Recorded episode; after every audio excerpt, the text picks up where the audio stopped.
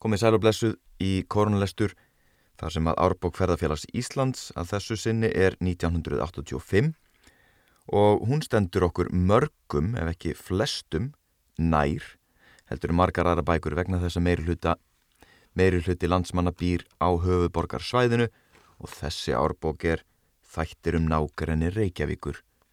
Hún er stútfull af efni, ég er búin að renna yfir hennar svona aðeins í morgun byrjaði að lesa hérna um heiðmörk. Fyrsti kaplinn er um heiðmörk en áður en ég lesa hérna efnis yfir litið.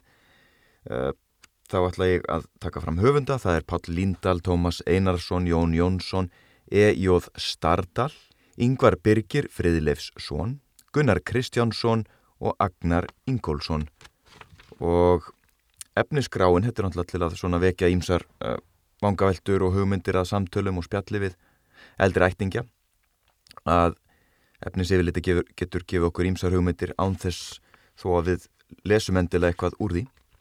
En það ætlum við bara rétt að klukka í hana svona í þessum takmarkaða lestur okkar. Það er heiðmörk og svo eru bláfjöll svo er jarðsaga svaðisins millir selvóskut og þrengsla esja og nágrenni, mósfells heiðu og nágrenni jarðsaga esju og nágrennis í kjósinu og fjörur á suðvestur landi og undir hverjum kabla eru svo undirkablar til dæmis Bláfjöll, það er umhverjus Bláfjöll, Vívilsfell, Ólafsgarðsvegur, Jósefsdalur, á leitil Bláfjalla og Bláfjalla fólkvangur. Þessi bók er alveg algjör fjársjóskista og ég hef kannski hægt að lesa hana fyrr, þetta er alltaf svona, maður átt að sá hlutánum eitthvað með, ekki ofseint, en stundum er eitthvað sem er ætti að vera augljóst og ætti að blasa við sem augljóst val á jafnvel fyrsta lestri til þess að veita fólki svona einhver tækifæri til að uh, fræðast um nánasta nágræni og þetta eru staðir sem er raunheftir að kíkja til, skreppa til. Og ég tala ekki um heðmörkina, það er nú verið mikil aðsokn í, í heðmörkina síðustu vikur og, og mánuði. Og þar fór ég þar fór ég, þangað fór ég oft sem úlingur að hjóla og svo í göngutúra og hef nú farið svona af og til. En fór mikið sem úlingur, sótti mikið heimörkina, það var svona mitt átti svona eitthvað náttúru atkvarf sem við þóttum mjög vandum en ég ætla bara að byrja lesturinn á insinn inn í heimörk eftir Pál Líndal. Stendur öllum, okkur öllum mjög nærri. Og þó, það eru margir sem að bara gleima heimörkinni, að ég vil kannski vita ekkit alveg að já, af, af því tækifæri sem að í henni fælst að skreppa rétt út fyrir bæjanmörk ég veit nú ekki hvað strætó gengur svona uh, á þessar slóðir. En auðvitað er bara hægt að taka strætó einhver staður upp í uh, hvaða hverfi er árbærin rétt hjá. Og svo bara rölda, heðmörkin er bara alveg við bæjar dyr Reykjavíkur. Og auðvitað líka Garðabæ og Kópavóks það er stutt að fara í heðmörkina en hér kemur dálítil forsaga. Hið elsta sem ég hef reykist á og varðar útivistar mál í nákværinni Reykjavíkur eru minnisgreinar Sigurðar Guðmundssonar málara en frumrið þeirra eru varðveitt í þjóðminni safni. Þetta eru minnisgreinar sem hann hefur tekið saman í sambandi við fluttningi erindis í kveldfélaginu Reykjavík um 1870. Þetta félag, sem einnig var nefnt leikfélag Andans, var leini félag reykvískra mentamanna þar sem rætt voru ímis menningarmál, stjórnmál og annars líkt. Um tilvist þessa félags var ekki almennt kunnugt, þar til fyrir um það byl þrem áratugum. Í þessu erindi Sigurðar, sem var aðeins eitt af mörgum sem hann flutti í félaginu, rætti hann nöðsinn þess að gerðar, yrður ráðstafanir og stöðlaða því að reykvikingar gætu notið útivistar í geðfeldu umhverfi í nákvæmni bæjarins. Um efni þessa erindis mun ekkert vitað umfram það sem segir í minnisgreinum þessum. Sigurður hefur rætt málin á viðtakum grundvelli en hér skal það eitt rakið sem snertir næsta nákværinni Reykjavíkur. Þar talar hann um eftirfarandi. 1. Að leggja vegi í allar áttir út úr bænum, velja síðan. 2. Hendu að staði og fallega þar sem auðið er og byggja þar lítil veitingahús fyrir þá sem ríða þangað. Príðað svo þar og planta skóar runna, etc. 3. Stopna vagnafélög þegar vegir eru komnir, engum upp að lækjarbótnum, það kostar bráðum lítið. Fjögur, planta skóa hér næri, að menn geti gengið hérðan þanga til að reyfa sig og skemta sér, eða stopna farfugla félög eins og svíjar gerðu. Síðan víkur hann að fjarlægari markmiðum sem eru utan við þessa sögu. Það má segja um þessar hugmyndir Sigurdar málara að þótt þær væri á farra vitorði og byrtust hvergi, ofinberlega, áttu fyrðum margar þeirra eftir að koma fram, ekki síður en hugmyndir hans um Ingóls stittuna á Arnarhóli og Íþrótasvæðið í Laugardal. Vegagerðinni tók nú einmitt að þoka áfram. Árið 1880 var hafinn lagning Suðurlandsvegar við enda laugavegar sem þá náði nokkurn veginn þanga sem nú er hlemur. Næstu árum þokaðist vegurinn upp fyrir lækjarbotna. Á þeim slóðum má víst enn sjá stein sem áur högvið ártalið 1887 en þá hefur vegurinn náð þangað. Ellið ár brýrnar voru fullgerðar 1883 og urðu mikil samgöngu bót. Áður hafði aðal leiðin austur, leiði fram hjá bústöðum var þá farið yfir elliða árnar á vaði hjá ártúnum. Þar var veitikastæður sem laðist af, er aðal leiðin var flutt eins og nú var greint frá. Veitingarekstur hófst þá í árbæ og stóð all lengi. Síðar, 1904, var reist mikið hús við Suðurlandsveg, þar sem setna urðu mjög kunn vegamót, miðtalsvegur. Það var nefnt Geitháls og var þar rekin veitikastarðsemi áratugum saman. Svo má nefna veitikastað sem setna kom til og nefndur var Lögberg, var hann í lækjar botnum. En má nefna Baldurs haga við Suður landsveg.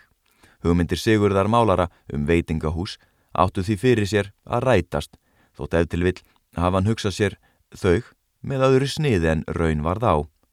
Vagna félög hafa vissulega verið stopnuð, að vísu ekki með þeim farkosti sem Sigurður málari hefur látið sér dreymum. Um 1870 voru brúkleir hestvagnar til mannflutninga áræðanlega fjarlægur draumur sem líkt átt eftir að rætast. Þessi stað komu annars konar vagnar sem við þekkjum betur. Þess verður þó að geta að árið 1872 ætla ég að menni Reykjavík hafi fyrsta skipti farið á vagnni út úr bænum eins og kallað er og svo vill til að þá var farið upp að norður jæðri heiðmerkur sem nú heitir svo. Um þessar myndir var að vera að vinnað byggingu hegningar húsins við skólaverðustík. Grjót til byggingarinnar var tekið í öskjuhlýð en um hana lág einmitt alfara leiðin söður á bógin yfir skólaverðu hold. Grjótið var flutt úr öskjuhlýðinni á stórum fjórhjóluðum vagnni sem auðvitað var dregin af hestum. Það varð að ráði með mönnum einhver tíma um sömarið að farið skildi skemmtiferð á vagninu mikla. Lagt hefur verið af stað frá grjót náminu í öskullíð og síðan farin leiðin sem áður var minnst á. Fram hjá bústöðum, brátt hefur verið klöngrast yfir elliða árnar og síðan haldi eftir órutum vegi alla leið upp að holmi. Um þessa ferð kann ég ekki frekar að segja en hún er vafalöst fyrsta aukuferðin sem farin er upp fyrir elliða ár. Að því leiti er hún all merkur þáttur í sögu samgöngummála og ferðamála Reykjavíkur jafnveg landsins alls. Sigurður nefnir stopnun farfuglafélaga að sannskri fyrirmynd. Ekki er mér kunnugt um hvernig slíkum félagskap var háttað, en það leið þó ekki ákaflega langur tími uns ímiskonar félög voru stopnu hér, sem höfðu meðal annars gönguferðir á stefnusgrá sinni. Ekki mun á neitt hallað, þótt sagt sé, að á því sviði hafi ferðarfélag Íslands verið aðtapna mest. Af ímsum á ráða að margt af því sem Sigurður Málari rættum í kveldfélaginu hefur náð fram að ganga með einu með öðrum hætti. Hér hefur þó ekki enn verið getið þess þáttar sem engum kemur við þá sögu sem hér verður rakin. Um aldamótin var hafinn all viðtak trjárækt við rauðavatn. Var starfað þar af kappu um stund en síðan fjall trjárækta starfið niður. Uns skóratarfélag Íslands tók við reksturinnum 1937 en 1946 tók skóræktarfélag Reykjavíkur við og hefur síðan haft hann með höndum. Þessi framkvæmt við Rauðavatn var mjög í þeim anda sem Sigurdur Málari hafði rætt um þrem áratugum fyrr. Hákon Bjarnason, fyrirverandi skóræktastjóri, sem veitt hefur mér mikla hjálp við að koma þessu skrifi saman, lánaði mér rítgerðeina Harla Sjálfgjafa sem nefnist Ísland Skófsag í 1902. Þar, á síðu 29-31, greinir sá merki brautriðjandi í skórættarmálum á Íslandi, danski skófræðingurinn C.E. Flensborg frá trjáræktarstöðinni við Rauðavatn. segir hann meðal annars Der skal dernæst anlægges et passende vejnet, i det uh, planlægen af hensyn til dens nære beliggenhed ved hovedstaden og ved bredden af en lille sø med udsigt til nogle smukke gamle kratere, kalder Rødhøjerne, með tíðin tengist brugt som lystanlegg. Já, þið náðu þessu náttúrulega bara, þetta er bara grunnskóla danskan. Hér virðist emitt verið að framkama það sem um er rætt í fjórðalið minnisgreina Sigurðar Málara að stopna til skórættar svæðis í nákrenni Reykjavíkur þar sem menn geti notið útivistar.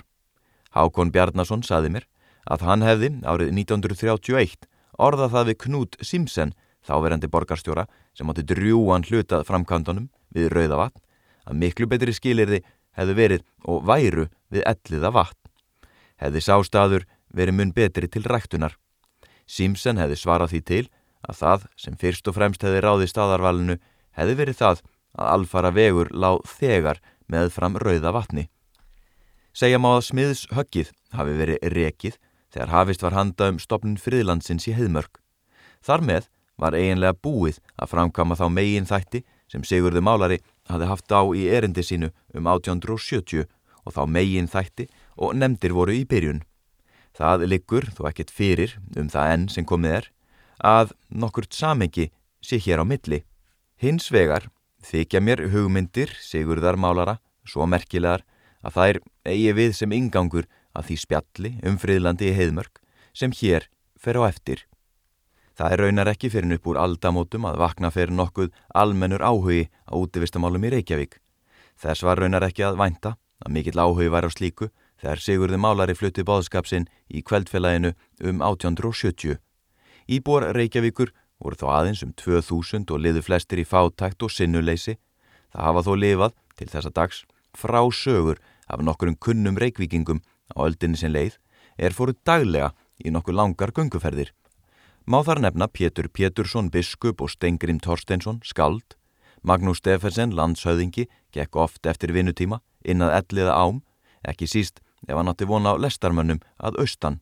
Hann vildi gerðnan heyra hvað gerðist í áttöfum hans eistra en hann var fættur á höðabrekku í Myrdal.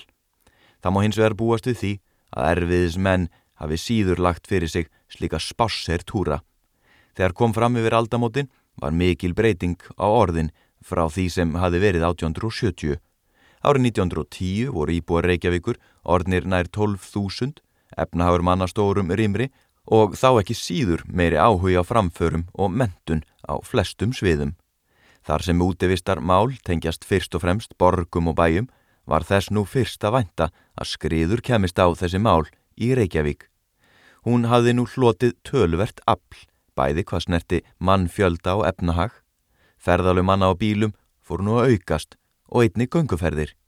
Eftir 1920 er bæjarstjórn farin að gera ráðstafanir til að tryggja almenningi svæði til útivistar. Þá er til dæmis tekin á leigu allmikill skiki úr holmsheiði í þessu skini meðal annars til berja tínslu. Það rátti víst ekki sístan hlut að máli sá þjóðkunni læknir Dr. Gunnlaugur Klásen sem þá satt í bæjarstjórn. Gunguferði manna ofan byggðar í Reykjavík fóru nú vaksandi. Hafa verður í huga að framundir 1930 náði lögsagnar umdæmi Reykjavíkur austan megin að elliða ánum en um það leiti bættust árbær og ártún við. Raunar hafði mjó ræma úr landið þeirra fyllt Reykjavík frá 1923. Fyrir ofan tóku við Seltjarnanes reppur og Mósfells reppur. Ekki er mér kunnugtum marga menn sem lögðu leiði sína um heiðmerku svæðið núverandi en þeir sem fóru þessa leið muni yfirleitt hafa farið af Suðurlandsvegi við Rauðhóla eða Gvendarbrunna og síðan gengi sunnan elliða vats að Kaldársili þar sem KFUM hefur ekki sumarbúðir í meirinn halva öld. Þetta er talinn tvekja tíma gangur. Þarna laði Sigurður Nordal profesor oft leið sína en það mikill aðdáðandi þessa svæðis. Hákon Bjarnason saði mér að hann hefði eitt sinn verið þarna ferð og mætti þá Sigurði profesor og voru í för með honum þeir feðgar Sigurði Guðmundsson skólamestari og sonur hans, Ólafur Læknir á Akureyri sem minnist þessara ferðar. Þá munu þeir profesorarnir Ágúst H. Bjarnason og Ólafur Lárusson og sjaldan hafa lagt þarna leið sína. Fleiri mætti vafalust nefna. áðurni fyrir yfir í stopnum Friðlands í Heidmörk þá bara vildi ég minnast, ég tók viðtal við uh, tvær ungar konur á Mývatni fyrir okkur tíu árun síðan og þær fór alltaf í göngutúra þarna út í, út í Holman höfði, höfði, hvernig læti ég? Út í uh, höfða. Og það var mjög falleg svona frásögn af þeirra göngutúrum. Fóru eftir vinnun alltaf sömurinn mikið, mikið að gera í túrismannum og þar fóru þarna í göngutúra og mér finnst þetta bara mjög svona bara fallegt að eiga svona þessa hefð og þetta styrkir vináttu og, og bara öruglega alveg sko gulls í gildi svona stundir. En það eru mörg fallisvæði við um land það sem ættir að ganga, maður tekur eftir í hér og þar eins og til dæmis í kringum Selfoss. Þá ganga margir þarna upp á Ingórsfjallið frá námónum, maður sé það þegar maður kerir þarna austur, það eru fallegar göngulegðir og grindvikingar ganga upp á Þorbjörn. En viljum að skoða heðmörk og stopnun friðlands. Það verður ekki vefengt að Hákon Bjarnason bar fyrstur fram ofinberlega hugmyndina um útivistarsvæði fyrir reykvikinga þar sem nú heitir heðmörk. Árið 1935 var hann skipar skóraktar stjóri og tók þá þegar að kynna sér ástand skógmála í landinu. Hinn 16. júni, það ár, fór hann á samt Einari G.E. Sæmundsen, síðar framkvæmdastöra skóraktar félagsins, ríðandi upp fyrir elliða vatn til að kynna sér kjarleifar þar. Hann hefur líst þessari ferði grein sem byrtist í ásriti Skóratafélags Íslands árið 1936. Þar segir meðal annars á þessa leiðum kjarleifarnar undir hjöllum og löngubrekkum. Þarna er töluvert af kjarri en ekki er það mjög hávaksið. Sumstaðar var það þó mannhæð og mjög þjætt. Að því er séð verður hefur skóurinn tekið allmiklum framförum á síðust árum og mun það aðalega því að þakka að fjárbeit hefur mikið lagst niður á næstu bæjum. Kjarrið er mjög að breyðast út um raunir sem likur fyrir austan brekkurinnar og er aðeins tíma spurning hvenar það verður mest allt skói vaksið. En frá hjallunum og alveg söðurundu kleifarvatn eru smá kjarrskikar og, og sömstaðar jafnvel all viðilend skólendi. Dag þann er ég var þarna var skóurinn nýsprungin út, ljóskrætn á lit en Sólinn heldi ílgeislum vorsins yfir landið, var einkennilega fagurt um að litast þarna efra. Reykjavíkur og Hafnafjörðabær munu vera aðaleigandur þessa landssvæðis og væri vel ef bæjarstjórnir þessara bæja sæju sér fært að gera einhverja ráðstafanir til þess að vernda þessar skóar leifar og reyna að koma þeim á legg. Væri mikill fengur fyrir íbúa bæjana að geta skroppið um helgar í fagurt skólendi án þess að þurfa að verja til þess of miklum tíma og peningum. Upp úr þessu tók að þróast í einstökum atriðum hugmyndin um úti vistar svæði reikvikinga, austanvert og sunnanvert við elliða vatn. Haustið 1938 sendi stjórn skóræktarfélags Reykjavíkur bref til bæjaráðs um friðun skóar leifa á landi elliða vatns og nánar tilteknum hlutum jarðana, holms og vassenda. Þar var bent á nöðsinn þess að takk upp skipulaða nótkunn þessa lands til almenningsgagns og varpa fram hugmyndum alls er er skemmti stað eða þjóðgarð fyrir íbúa Reykjavíkur á svæðinu. Í brefinu er, tekið svo til orða, friðun ellega vats lands á samt hluti af Holms hrauni er góð fyrirætlun og myndarleg en friðun og skipulaðu nótkunn ellega vats lands, Holms hrauns og vassendalands er glæsileg fyrirætlun og fullkominn.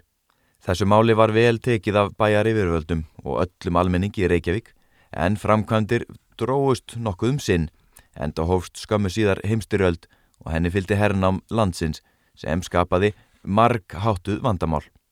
Þó unnu áhuga menn áfram að því að hrinda hugmyndinni í framkvæmt.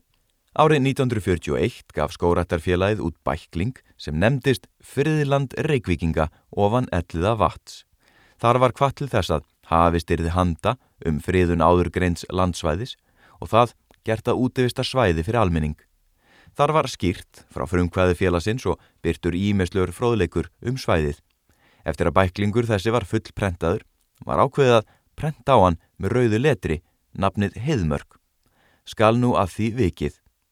Vorið 1941 sá skóratarfélagið um sérstaka kvöld vöku í útvarpinu og voru þar kynntar hugmyndirinnar um útivistar svæðið við elliða vatn. Þar flutti Sigurður Nordal, profesor, erindum svæðið sem að þekkti manna best af mörgum ferðum um það, svo sem áður er skýrt frá. Það hafði oft komið upp í máli manna að nöðsynlegt myndi að finna svæðinu viðeandi nafn og í þessu erindi varpaði Sigurður fram þeirri tilögu að svæðið skildi nefnt heiðmörk. Um þessa tilögu hafði hann meðalans þessi orð. Heiðmörk er fornt heiti á einu fylkinu á upp löndum í Noregi. Mörk er skóur. Allir finna hversu vel það fer í nöfnum eins og Þorsmörk og Þelamörk. Í því er fólkin draumur vor um að klæða landið aftur, íturvöxnum trjágróði. Heiður er bjartur og heiðmörk, hið bjarta skólendi, er heiti sem vel mun fara þessu friðsala landi með tæru lofti og litum. Það er ekki orðlengja það að þetta nafn hlaut þegar almenna viðurkenningu.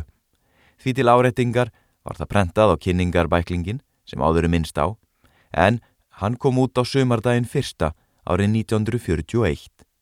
Skórektar félagið gekk nú eftir því við bæja ráð að hafist erði handa um að hrinda hugmyndinni í framkvæmt.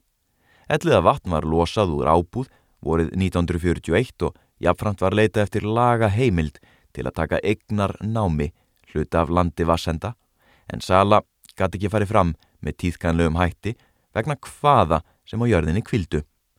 Þá fegst árið 1942 laga heimild fyrir ríkistjórnina til að selja bæjarstjórn Reykjavíkur þjóðjörðina Holm en mjög dróst á langin að gengi erði frá því máli allt til 1960 en tildokkin afnót fengust þegar. Skóræktarfélagið vildi sína hug sín í verki og hóf fjársöpnun til afla fjár til að köpa girðinga efni. Á styrjalda tímum eins og þá voru reyndust ímsir örðuleikar og útvögun efnis til margra hluta. Hinn er mörgu áhuga menn um friðun heðmerkur töldu því ráðlegt að afla girðingarefnis í tæka tíð. Þannig að efnis skortur þyrti ekki að baga þegar önnur skilirði væri fyrir hendi. Fjársöfnuninn gekk mjög vel og var girðingarefnið afhend bæjar yfirvöldum árið 1944. Ekki þókaðist mikið áfram næstu árin. Árið 1946 varð svo skipulagsbreyting á skóratarfélagskapnum í landinu að skóratarfélag Íslands varð landssamband skóraktarfélaga sem störfuðu í héruðum landsins.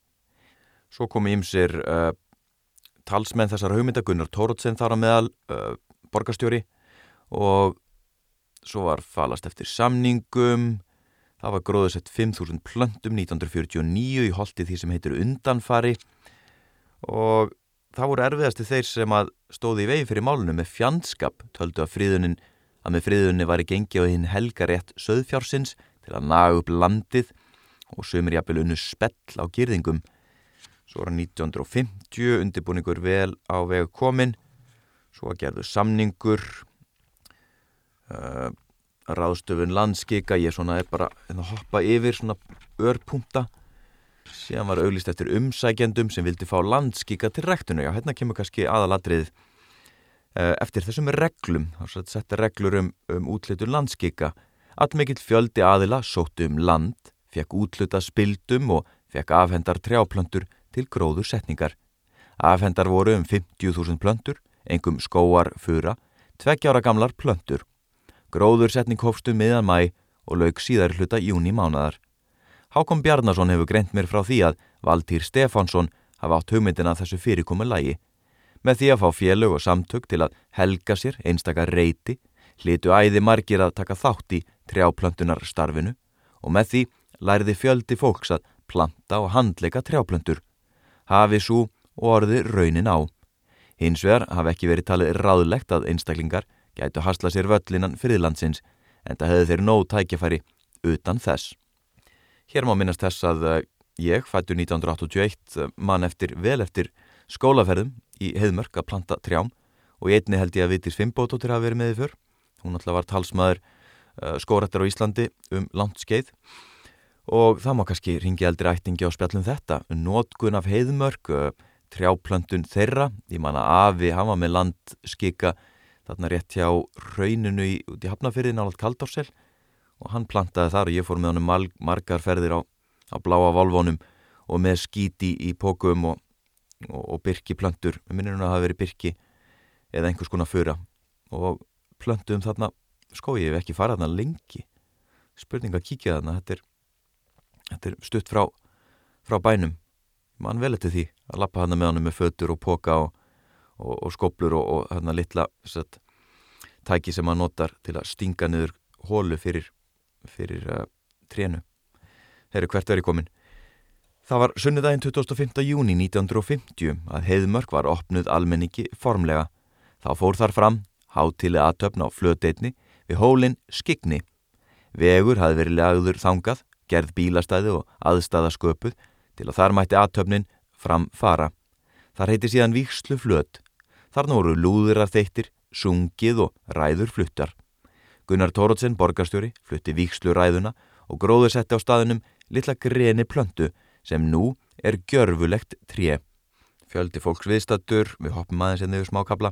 Þegar landvarnar starfið var að hefjast í heiðmörk var þar víða ófagurt um að litast.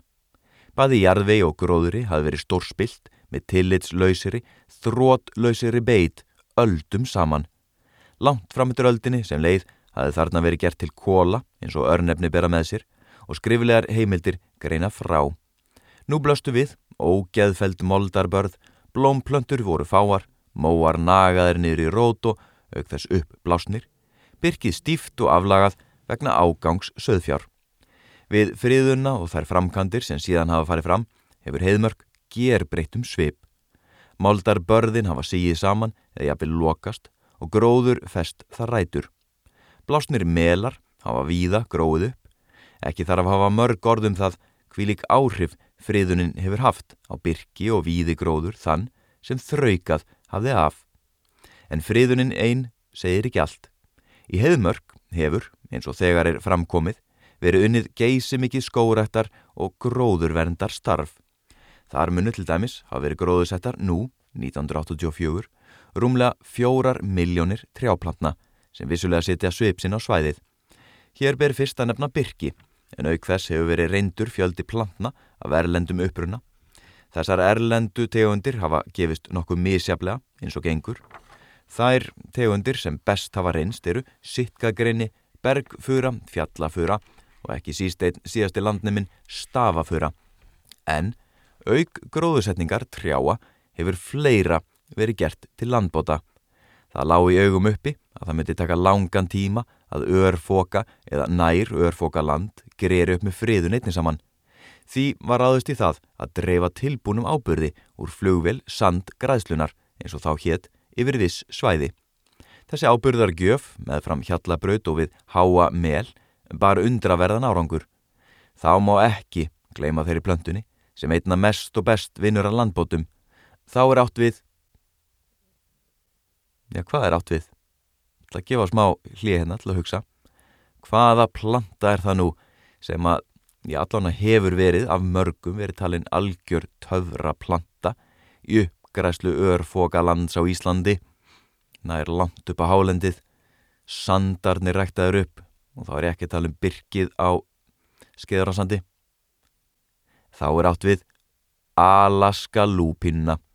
Hún var fyrst gróðusett í heiðmörk 1959 og hefur verið unnið markvist af því að breyða hana út. Hún er ekki aðeins til augna indis, heldur er haft í hugað, hún stórbætir þann jarðveg, þar sem hún grær, undirbýri jarðvegin fyrir aðra plöntur með undraverðum hætti. Þeir eitthvað stökka einni yfir stækkun friðlandsins, eh, á þessum tíma var það orðið 2500 hektarar, rauðhólar voru teknið inn í 1961 en eða hólasvæði var friðlýst sem náttúruvætti 1961, rauðhólar, en sem fólk svangur á 19, 1974 Í raun er það hlut af heiðmerkur svæðinu þótt ekki sé svo formlega, uh, kannski er það breytt núna, heldur lítur það sérstakri stjórn. Þetta svæður um 45 hektar að stærð og ég ætla að stökku yfir í kaplan haldiðin í heiðmörk. Nú er ætlunin að leggja leið sína um heiðmörk. Við hugsum okkur að við förum allstóran hringum fyrir landið. Leiðinni verður líst eftir því sem ferðinni þokar áfram og verða gerðir útúrdurar að þingnesi og í átta silungapalli. Í heðmörk likja þrjár ökuleðir um rauðhóla, hjá seilungapalli og hjá vívilstöðum. Flestir munu velja fyrst töldu leiðina og þykir því rétt að miða við hana. Farið er af Suðurlandsvegi hjá Bugðu inn á rauðhóla veg. Bugða er neðri hluti holmsár sem kemur upp í lækjarbotnum en dregur nafn af holmi efstu jörð í Reykjavíku landi. Bugðar ennur meðfram rauðhólum á þrjá vegu og er í ótal bugðum eins og nafni bendi til.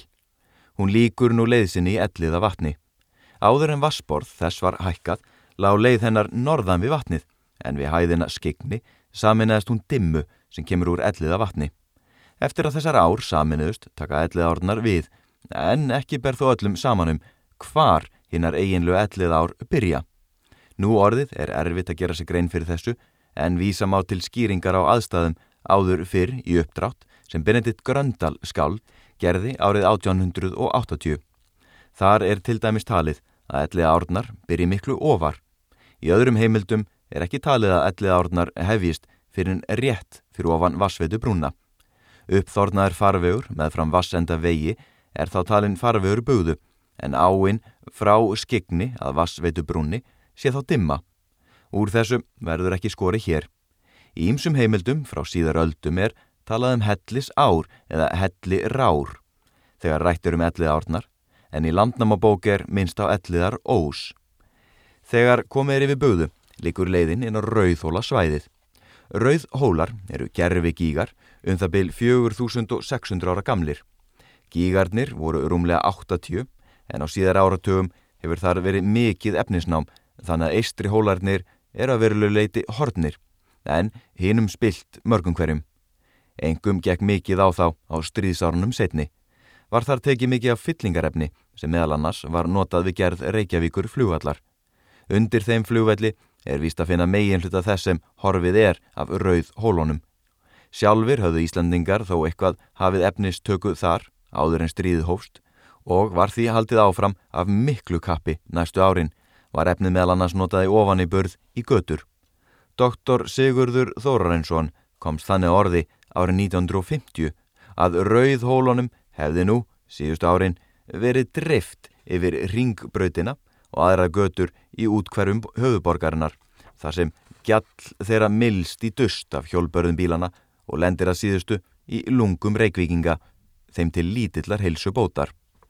All mikið var að þessum árum og hinnum næstu rættum nöðsinn þess að vernda það sem eftir væri að rauðhólunum en í þess stað hefur mönnum að þér virist eftirlits löst leifst að vaða um allt hólasvæðið og taka eitt bílhlasið af gjalli hér og annað þar, svo að búið að eðaleggjana er allt hólasvæðið eins og Sigurður komst á orði. Reynd var með ímsu móti að koma reglu á þessa efnistöku en tókst ekki sem skildi. Árið 1961 voru rauð hólarnir feðilistir sem náttúru vætti en árið 1974 varð rauð hólasvæðið fólk vangur sangan náttúruvendar lögum. Formlega séð heyri það ekki til heiðmerkur svæðinu en er hins vegar svo nátengt því að liti er á svæðin sem eina held. Árið 1933 var fulltrúa ráði verkalýsfélagana í Reykjavík leigð spilda í vestur hluta Rauðhóla. Um nokkar ára skeið voru þar haldnar úti samkomur á sömri til á vegum fulltrúa ráðsins og alþýðuflokksins. Síðar afhendi fulltrúa ráðið leigulandið ásand skála sem þar hafi verið reistur til barna heimilis vorbóðans var þar rekið um nokkurt skeið sumardvalar heimili fyrir börn. Elliða vatn og nákarinni. Nú er komið að heiðmerkur gyrðingunni og framundan er starsta stöðuvatnið hér um slóðir, elliða vatn, að því verður brátt vikið. Sunnan vegar, vinstramegin, blasir við helluvatn sem sumstaðar hefur verið nefnt hellisvatn. Suðvestan við það eru fáinir sumarbústæðir frá fyrir tíð og er þar mikill gróður. Suðaustur af vatninu er Rauntúnstjörn, nefnd eftir bíli sem var á þessum slóðum og getið um sem eigðibíli í jarðabók Árna Magnússonar og Páls Vítalins frá byrjun átjöndaldar. Ég verða að skjóta inn í, uh, í nokkrum síður fyrir lestrum, þá hefur verið sagt AM og PVAF og ég vissi það var Árna Magnússon og svo flaska ég á Pál Vítalin, Vítalins kirkjan og kirkjan sem að uh, er nálagust mér þegar ég ólst upp í Garðabannum að hluta til og var alltaf hjólabrætti við Vítalínskirkju þannig að ég hef nátt að kveika á perinu þannig. En áfram með lesturinn. Suðaustur af Rauntúnstjörn er kirkjuholma tjörn. Millir þessara tjarna og hellu vats er holmi sem nefndur er kirkjuholmi. Þetta öðrnefni og kirkjuholma tjörn leiða hugana því að á holmi, sem er hér nokkru ofar, var kirkja að því er hermir í Vilkins máldaga frá 1397. Þegar sleppir því litla, sem þar segir, er ekkert vitað um þessa kirkju. Vegna þess hversu hún hefur verið í sveit sett, verður ætlað, hér hafi verið um að ræða mjög litla kirkju, öllu heldur bænhús. Nýlega hafa fundist í námynda við bæin á Holmi leifar mannvirkis sem geti verið gamall kirkjugarður.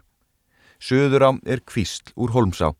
Hún kemur upp undir selfjalli hjá lækjarbotnum, rennur um Silungapoll og síðan til norvesturs um Rauntúnstjörn, Kirkjuholmatjörn, síðan Helluvatn og í Elliðavatn. Sunnan og suðvestan árinar er Holms Raun. Landslag það sem blasir við til vesturs, Elliðavatn og umhverju þess, er nú mjög breytt frá því sem áður var eins og minnst hefur verið á. Á árunum 1924 til 25 let Ramagsveita Reykjavíkur, sem þá var orðin eigandi að megin hluta jarðarnar, elliða vats, gera mikla miðlunar stíplu þar sem dimma rennur úr vatninu. Við þetta hækkaði vassborðið um einn metra eða því sem næst. Þá hörfu undir vatni nabtóguðu flæði engi, elliða vats engi. Áður en þetta gerðist var elliða vatn nánast greint í tvö vötn og skildi þingnes á milli. Árið 1880 er vestaravatnið nefnt vassenda vatn en hið eistra vassvatn og var það töluvert stærra. Við hækkun vassborðsins fór Þingnes að veru lögleiti í kaf og jáfnframt varð vatnið ein held svo sem nú er. Elliða vatn mun hafa myndast við það að raunströymur hefur lokað dalverfi en þángar raunni árnar sem áður eru nefndar bugða og söður á og raunar fjall fleira til. Bæjarhúsin á jörðin elliða vatni standa á tanga sem gengur norð-vestur í stöðuvatnið. Þar hefur sem annar staðar við vatnið er mikil breyting á landi eftir að vassborðið var hækkað. Þannig að landrými um hverjus bæjarhúsin er töluvert minna en áður en þau munu hafa staðina er vatninu. Hínum með við vatnið, beint vestur af bæjarhúsunum, er vassendi, alkun jörð hér um slóðir. Hún er innan marka Kópavóks kaupstaðar Ekki verður neitt fullirt um það hvenar byggð hefur hafist á elliða vatni en í máldaga frá 1234 segir að við er klustur eigi elliða vats land hálft. Getið um jörðina í kjálnisingasögu sem talnir rituð á öndverðir í 14. öld þótt sagan þykja sumuleiti töluvert merk hvað ímis örnefni snertir fer því fjari að telja megi hana mikils virði sem heimildum atbyrði sem þar er greint frá minnir hún um margt fremur á ævintýri og fornaldarsögur en hinnar þekktar í Íslandingasögur. Þar segir að á bæði þeim er heitir að vatni er síðan er kallað elliða vatn, hafi búið konasú sem Þorgerður hétt. Sónur hennar hétt Kól Finnur og var Kól Bítur eins og kallaðir í ævintýrum, lág í ösku stó og hafðist ekki að. Svo fór þó að Kól Finnur reys úr ösku stónni og tók eins og fleiri að leita eftir ástum Ólafar Vænu sem var dóttir kollabonda í kollaferði. Af þessu hlutust vígaferli en svo fórað Kolfinnur nam Ólufu á brott og hafði hana með sér til elliða vats. Ekki helst Kolfinni lengi Ólufu því að sá mikli kappi, búi Andriðsson, ástmaður Ólafar, feldi Kolfinn. Nú hefðum átt ætla að slegið eruð brúðköpi en svo var það ekki. Búi hvaðst ekki vilja elskana síðan Kolfiður hefur spilt henni hafði hann þó áður gert Ólöfu barn. Hún giftist skömmu síðar Helga Arn Grímsinni og bygguð þau lengst af að hofi á kjallarnesi. Eins og áður í viki aðmun elliða vatn hafa snemma orði eign viðegar klausturs og var því konungsegn við síða skipti. Ber nú ekki til tíðinda fyrir innréttingarnar eru teknar til starfa í Reykjavík upp úr miðri átjóndöld. Eitt helsta verkefni þessa fyrirtækis var ullar vinsla Ákveði var 1756 að stopna fjárræktar bú á elliðavatni fyrst og fremst til að bæta þar með kinnbótum þá ull sem er í tekinn til vinstu en jáfram til að tryggja fyrirtækinu nægu verkefni. Til kinnbóta voru fluttirinn rútar af ennskum stopni. Sænskur maður, Hastfer Baron, mikill áhuga maður um kinnbætur söðfjár, ræk þetta fyrirtæki fyrst í stað en fjárbú innréttingana var aftur stopnað í helliskoti þarna skamt frá árið 1757 var reist íbúðarhús á staðnum, mikil stofa. Þar var og reist fjárhús, meir en flestar kirkjur hér á landi og af þiljað. Á ímsu gekk með reksturinn, svo virtist og brátt að allt myndi fara skaplega, en þá dundi ólánið yfir. Í búinu kom upp veiki í söðfjönu aðalega fjárkláði, sem breytist út með miklum hraða þannig að ekkert fjækst við ráðið. Um 1760 var söðfjár eign landsmanna talið nálat 360.000 en 1770 var hún komið niður í um það beil 140.000. Þetta er talið eitt mesta áfall sem íslenskur landbúnaður hefur nokkru sinni orðið fyrir. Það var nokkuð sjálf gert að sögu fjárrættabúsins á elliða vatni var nú lokið. Var það formlega lagt niður 1764. Árið 1815 var jörðin seld eins og fjöldi konungsjarða um þar myndir. Árið 1835 byggu að elliða vatni hjónin Jón Jónsson, þáttalinn 46 ára og kona hans Ragnir Guðmundsdóttir en hún var ekki að Páls Jónssonar klusturhaldara sem var víðkunnur maður á sinni tíð. Dáin 1819 eru mikla rættir af þeim komnar. Jóns Jónssonar er víða getið, enda fekk hann tvívegis ofnberi verlun fyrir framtaki í landbúnaði. Þessi einnig getið að hann hafi verið kunnur fyrir silfursmíði. Árið 1845 verist Ragnarður kona hans látin því þá er Jón talin kvæntur Guðrún og Jónsdóttur. Þau Guðrún og Jón hafa átt nokkur börn og var Stefania leikona Guðmundsdóttir sonardóttir þeirra. Meðal bræðra barna Guðrúnar má nefna það frændur sem tóku upp nafnið Mattísen. Árið 1860 egnast Benedikt Svensson, alþingismadur og yfir dómar í lands yfir rétti jörðina, keft hann að verfingum Guðrunar Jónsdóttur og fluttist ánga árið eftir. Benedikt hóf mikil umsif á elliða vatni, búskapur var þar fyrst í stað mikill, vinnufólk ellifu, en auk þess bætt við um sláttin. Hann ákvað að ráðast í geysi miklar áveitu framkvæmdir, réð tugi manna til að gera um eins kílometra langan stíplugarð yfir dimmu og búðu, nokkurinn veginn þar sem stípla ramagsveitunar er nú. Með þessari áveitu og elliða vats engin sem átt að ná yfir 200 hektar lands átt að verða undan margfalda heifengin. Jafnfram því sem að þessu var unnið átti Benedikti miklum deilum við H.T.H.A. Thomsen, einn helsta kaupmann í Reykjavík, um veiði réttin í elliða ánum. Urðu út af þessu einhver harðvítugustu málaferli sem um getur hér á landi. Stóðu þau með litlum kvildum um átjan ár. Í kvæðinu Þingvallaferð frá 1878 lýsir Benedikt Gröndal meðal hans Ímsu sem fyrir augu bara á ferðinni. Hann kemst þar svo að orði á einum stað. Annarar handar til var elliðað vatn þar sem Assi, lögkettn brakaði fyrir með lagana sverðum og hömrum. Bergmálið ennþá bjó í brekkum og klettum og gjótum. Fólki svo glöglega heyrði hinn guðluð orðin og grágás, skellt og lamin með skruðningi saman við skofus forrodningar óþjóðulegar svo öllum það fannst sem urgandi grautur, halv dönsk, halv íslensk og halv volg lagana súpa.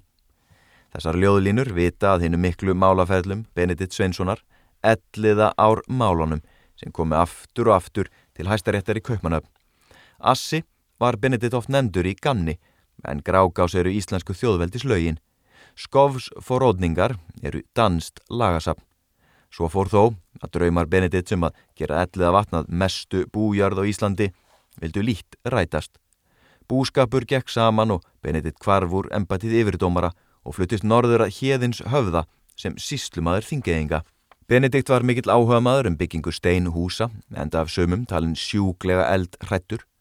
Hann reðst í það að láta reysa steinhús á elliða vatni úr hlöðnu grjóti. Hefur það nú um skeið verið notað sem hlaða Þegar Benedikt var komin mjög í andstöðu við yfirvöldin, höfðust hann stopna án tilskilins leifis, prentsmiði og elliðavatni, en næsta lítið varður því fyrirtæki. Var ekstur, þar stöðvaður þegar í byrjun. Aðeins tveir reitlingar voru prentaðir þar og var Jón Ólásson höfundur Bekkja. Á elliðavatni fættist 30. oktober 1864. Giskiði. Skáld. Sónur Benedikts og Katrínar, konu hans, þjóðskáldið Einar Benediktsson. Ég las æfis og Einar Benediktssonar, ég man ekki hvað skrifaði hana, uh, hún tveimur bindum held ég, stórfenglega, mjög skemmtileg og alveg ótrúlega uh, yfirgripsmikil og ítarleg lýsing á, á hans lífi og högum og personleika og skaldskap og uh, ekki óvægin en, en bara mjög heiðaleg og það er farið í svona alla ánga af, af bara hans lífi, mjög skemmtileg bók. Valsson, nei hvað hétt hann höfundurinn, allavega stórmerk æfisa Einars Benediktssonar.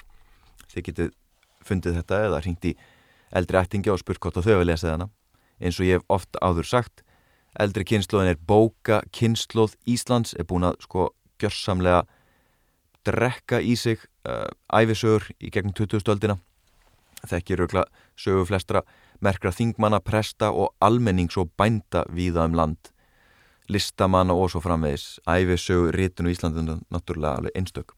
En áframalesturinn á árunum 1923 27 og 28 eignaðist Ramasveita Reykjavíkur elliða vatn var jörðin keift í sambandi við raforku vinslu sem hóst við elliða árnar árið 1921 Búskapur var stundar með hefðbundnum hætti þar til 1941 en þá tók þar til starfa vist heimili fyrir geðsjúklinga og starfaði það um all langt skeið. Að því kom að vist heimili var lagt niður og búskap með öllu hætt. Árið 1963 var samiðum það við skórættar félag Reykjavíkur að það skildi fá jörðina til varveislu og frá 1964 hefur þar verið aðsettur starfsmanns félagsins sem hefur eftirlit með heimörk. Og nú okkur með vor, uh, suðvestan vindur, blæs hérna, heiðskýrt hlýrvindur eftir undanfanna daga norðan bara kulda, gólu, kulda, garra og margir líklega mun leggja leiðsinn í heiðmörk, uh, ekki kemst neitt erlendis þessa dagana en heiðmörk eru þetta bara nánast eins og erlend paradís á góðum dögum og jáfnveil slæmundum því að það er oft lokn innan millir trjána og það er svolítið eins og koma til útlanda að koma í skó. Þannig að auðvitað hvetum maður alltaf að leggja leið sína í heðmörk, smótivist, göngu og góða stundir. Sömulegis að ringja kannski eldri ættingja og spjalla um heðmörk þeirra upplifuna heðmörk göngutúrum. Eða hverju sem að tengist heðmörk eða þessum lestri annars ætla ég að segja þetta uh, gott heitið í dag. Og uh, ég tek fram að síðasti lesturinn hann var mjög hægur. Og það var gert fyrir Facebook-grúpu útlendingar sem er að reyna að læra íslensku og sendu mér e-mail um það að lesturinn væri svolítið notaður af þeim því að hann væri bara skýr og ég þakka kjallaði fyrir það rós og ég las einstaklega hægan lestur sérstaklega fyrir þau. Og ef einhver þeirra er að hlusta núna þá bara segi hæ og gangi ykkur áfram vel að læra íslensku. Herri við segjum þetta gott. Uh, Svar Jóndarsson hveður frá korunlestri og uh, það fer að hæja á lesturinnum ástandið þetta er bara að skána og skána og batna og batna. Við vonum þetta sjálft að réttir leið. Þannig að ég ætla að gera þennan lestur svona tveggja, þryggjata fresti. Ég ætla bara að kúpla mútur þessu því að ekki ætla að hjakka í þessu sama fari enda löst, þetta er bara komið gott vonandi en við förum varlega inn í þessa nýju tíma og sömulegist þá fækku við koronulesturum og bara vonum að sem fyrst bara endi koronulestarar þótt að ég auðvitað eftir að sakna þess að lesa fyrir ykkur upp úr Árbóku ferðarfélags Íslands sem ég er búin að lesa meira upp úr núna heldur en öll það ásýðum ég hef átt þessi hefti sem eru gjöf frá Óskar í Róntansinni frænda, takk kærlega fyrir þetta. Og þetta nýtist þetta mikið, ég hef lesið ágætla í þeim og fræðist mikið um landið en núna er ég algjörlega sko að bara kúfill allar fjársjóskistur fróðuleiks og þekkingar um, um landið með þessu. Og vonandi eru þau að gera það sama. Ég kveð ykkur, takk fyrir, bless bless